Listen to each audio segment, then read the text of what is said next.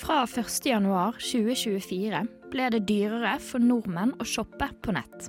Det er slutt på 350-kronersgrensen for toll- og avgiftsfritak for varer kjøpt fra utlandet. Det er nå toll fra første krone, melder tolletaten. Denne grensen ble fjernet for å skape større konkurranselikhet mellom utenlandske nettbutikker og norske nettbutikker. Samtidig er òg VEOK-ordningen for internasjonale butikker innført. VEOK skal være hovedordningen for varer med verdi under 3000 kroner som sendes til privatpersoner. Fordelen med denne ordningen det er at nettbutikken krever merverdiavgift på samme måte som norske butikker, og du kan derfor se totalprisen på varen du har lyst til å kjøpe. Om du altså kjøper en ny bukse fra en VEOK-registrert nettbutikk, er den unntatt tollavgift. Du slipper derfor å betale noen ekstrautgifter når varen skal fortolles inn i landet, og skal derfor slippe å betale noe ekstra når du henter ut pakken. Og hvilke nettbutikker er det som egentlig er VEOK-registrert? Det kan man lett søke opp i i skatteetatens VEOK-lister. Det er ikke bare varer kjøpt på nett som øker i pris. Matprisene i Norge økte i fjor med hele 10% som er den største prosentmessige årsveksten på 40 år. Alle matvarer har økt i pris, men det er noen verstinger. SSB forklarer at matvarer som sukker, frossen fisk og olivenolje har økt mest. I motsatt side av skalaen finner vi melk, ost og egg. Dette er matvarene som totalt sett hadde lavest prisvekst. En årsak til denne økte årsveksten kan være at kronen er svak. Vi importerer en del mat, og når det blir dyrere å få maten inn i landet, må matvarene òg øke i pris. Frode Steen, økonomiprofessor ved Norges handelshøyskole, forteller til NRK at han er optimistisk for prisen på mat i 2024.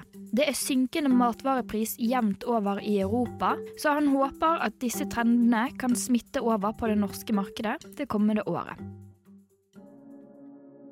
I løpet av årets første ni dager har det blitt begått flere drap enn i hele januar de siste ti årene.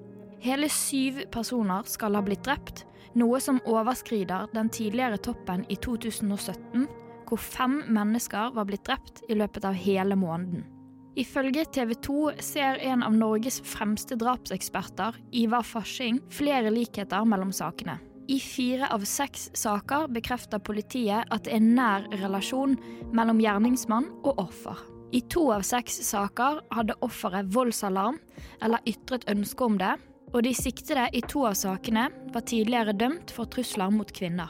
I tre av sakene er gjerningspersonen død eller antatt død, noe som drapsekspert Fasching sier kompliserer politiets jobb.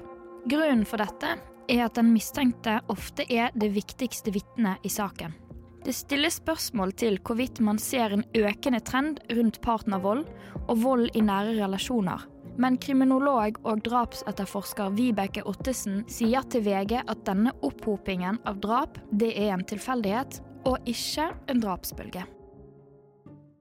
Etter at han ble sykemeldt 13.11. i fjor, er Bjørnar Moxnes nå tilbake i arbeid som stortingsrepresentant. Det vil si at han returnerer til sitt verv i utenriks- og forsvarskomiteen. Til VG sier han at det både har skjedd og skjer mye på hans arbeidsområde, utenriks og forsvar, og at han er svært klar til å begynne arbeidet. Han understreker at han kommer til å ta fatt på Gaza-situasjonen først. Rødt-politikeren gir òg beskjed til mediene at han ikke kommer til å kommentere på spørsmål rundt hans sykemelding, men at han gjerne stiller opp til saker knyttet til utenriks- og forsvarskomiteen. Starten av 2024 har sett temperaturer langt nede i minusgradene. Det har i hovedstaden òg vært flere hundre innstilte bussavganger, og lange ventetider preger Ruters kollektivtilbud. Problemet, skriver Aftenposten, skyldes at elbussene Ruter i stor grad tar i bruk i Oslo, tåler kulden dårlig. Men Ruter de verken eier eller kjører bussene i Oslo. De legger nemlig ut rutene sine på anbud. Derfor, forteller Ruter til Aftenposten, er ansvaret òg hos underleverandørene.